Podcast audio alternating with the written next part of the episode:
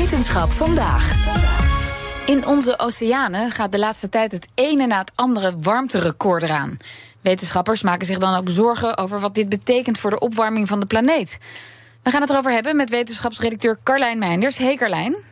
Hoi. Ja, ik heb eigenlijk het idee dat dit soort berichten elkaar steeds sneller opvolgen. Ja, klopt. Het gaat uh, echt hard. En wat de oceaantemperaturen betreft, gaat het ook nog eens om meerdere records, vertelt Niels onderzoeker Femke de Jong. De laatste maanden hoor je heel veel over de oceaan. En dat komt eigenlijk omdat er verschillende records in de oceaan worden gebroken. Dat is aan de ene kant de warmteopslag in de hele oceaan, die is toegenomen. Maar ook de oppervlaktetemperatuur, en dan gaat het echt over de bovenste paar centimeter, die heeft ook een record bereikt. En daarnaast komen er nu allemaal verhalen over El Nino in de lucht. Dat gaat allemaal over de oceaan, maar is niet allemaal hetzelfde.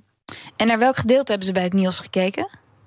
Samen met onderzoekers uit andere landen hebben ze gekeken naar de warmteopslag in de gehele oceaan. Daar heeft een hele club van wetenschappers van alle disciplines binnen het klimaat, dus de oceaan, de atmosfeer, ijs en land, heeft een budget gemaakt van het klimaat en hoeveel warmte er vastgehouden wordt. Wordt meer warmte vastgehouden dan dat er weer uitgaat. En ze hebben gekeken hoe dat verdeeld wordt over de verschillende componenten in het klimaat. En dat hebben ze heel netjes uitgesplitst. En dat blijkt dus dat uh, 89 procent, dus echt het grootste deel, gaat de oceaan in. En wat er dan overblijft is 6% voor het land en 4% voor het ijs en 1% voor de atmosfeer. En die ene procent is dus eigenlijk de opwarming die wij voelen. Dus kan je nagaan hoeveel warmte die, die 89% is die in de oceaan gaat. Ja, dat zijn echt enorme cijfers. En hoe erg is dat? Nou ja, tegelijkertijd weten we dat deze maand het record voor de warmte van het oppervlaktewater van de oceaan verbroken is. En dat opwarmende water kan meerdere gevolgen hebben. Water kan enorm veel warmte bevatten, veel meer dan lucht. Dat is ook bijvoorbeeld waarom je water in je radiatorsysteem in je huis hebt. Dat transporteert heel goed warmte en dat geeft het dan weer af. Daar kan je hele woonkamer mee verwarmen. En dat doet het eigenlijk ook in ons klimaatsysteem. Dus de oceaan die transporteert warmte van de evenaar naar het noorden en naar het zuiden. En die verdeelt daar de warmte mee. En als je daarmee gaat uh, knoeien, als je daar veel meer warmte in gaat stoppen, dan heeft dat verschillende gevolgen. Het water zet uit omdat het warmer wordt. Dan krijg je zeespiegelstijging. Het staat in contact met ijskappen, dus het laat ook ijs sneller smelten. Dat is nog een beetje meer zeespiegelstijging helaas voor ons. En daarna ga je ook de, de stratificatie van de oceaan veranderen. En de stratificatie is de gelaagdheid. Dus je hebt uh, warm, licht water aan het oppervlak en koud, zwaarder water beneden. Hoe groter dat verschil, hoe moeilijker de uitwisseling tussen het oppervlak en het diepe oceaan wordt. Dat heeft ook consequenties. En aan wat voor consequenties moeten we dan denken? Dat zit de uitwisseling van voedingsstoffen in de weg tussen die verschillende waterlagen. Maar je krijgt bijvoorbeeld ook minder zuurstof in de diepe oceaan, minder opname van CO2. Ze zagen in het onderzoek ook dat in de laatste 15 jaar de aarde evenveel warmte heeft verzameld als de voorgaande 45 jaar waarvan dus het grootste gedeelte in de oceaan zit opgeslagen. De jongen was hier overigens niet heel erg verbaasd over, maar ziet het wel als een bevestiging van wat al wordt gevreesd. En dat is dat we nog steeds te weinig doen om CO2 in de atmosfeer af te laten nemen, waardoor die warmte in het mhm. systeem ook nog steeds toeneemt en die toename ook nog eens steeds sneller gaat. En heeft Femke de Jong ook aan dit onderzoek meegewerkt? Er is zeker een link met haar eigen werk, maar zij kijkt net weer naar een ander onderdeel.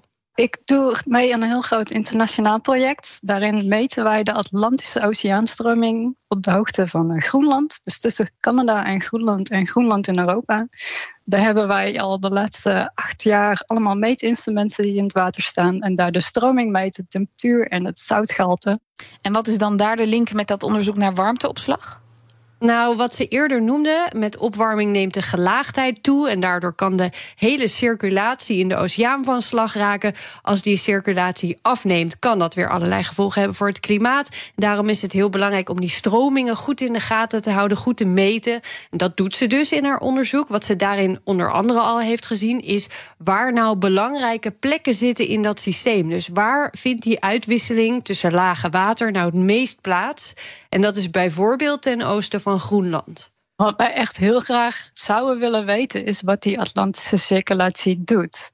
Het probleem is dat die circulatie die varieert enorm. Van dag tot dag is het net het weer in Nederland. Dus gemiddeld in Nederland hebben we zuidwestenwind.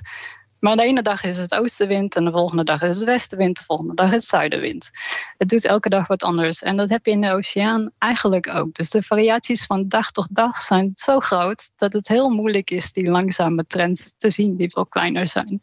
Dus we zijn nu bezig om dat direct te meten. En dat doen we sinds 2014 en op andere plekken al wat langer. En nu worden die tijdseries eindelijk lang genoeg om te gaan kijken of die lange trends er inderdaad zijn. En hoe heftig die zijn om die processen beter te begrijpen. Nou, Carlijn, dat klinkt als behoorlijk ingewikkelde vraagstuk allemaal. Ja, zeker, zeker. Want uh, wat hierbij ook nog een rol speelt, is smeltwater en het zoutgehalte van de oceaan. Dat kunnen ze meten, maar dan weet je het eigenlijk pas als je na een paar jaar je instrumenten weer gaat ophalen. Liever zouden ze dat bijvoorbeeld met satellieten bekijken. Satellieten die dit goed genoeg kunnen in koude gebieden, zodat we het eigenlijk een beetje real-time bijna kunnen gaan zien. Die zijn er nog niet, maar wordt aan gewerkt. En dat zijn allemaal stappen die nodig zijn voor het maken van betere klimaatmodellen en voorspellingen. Dankjewel, Carlijn Meinders. De Nationale Autoshow. i5, Porsche Taycan. Ja, BMW iX Ja. vind ik ook wel aardig. Mercedes E EQE. Meindert en Wouter. Het Ja. is gewoon een merk waarvan je niet weet of het over twee, drie jaar nog bestaat. De Nationale Autoshow. Elke vrijdag om 3 uur. De Nationale Autoshow wordt mede mogelijk gemaakt door Van Mossel. Van Mossel, voor mobiliteit voor iedereen.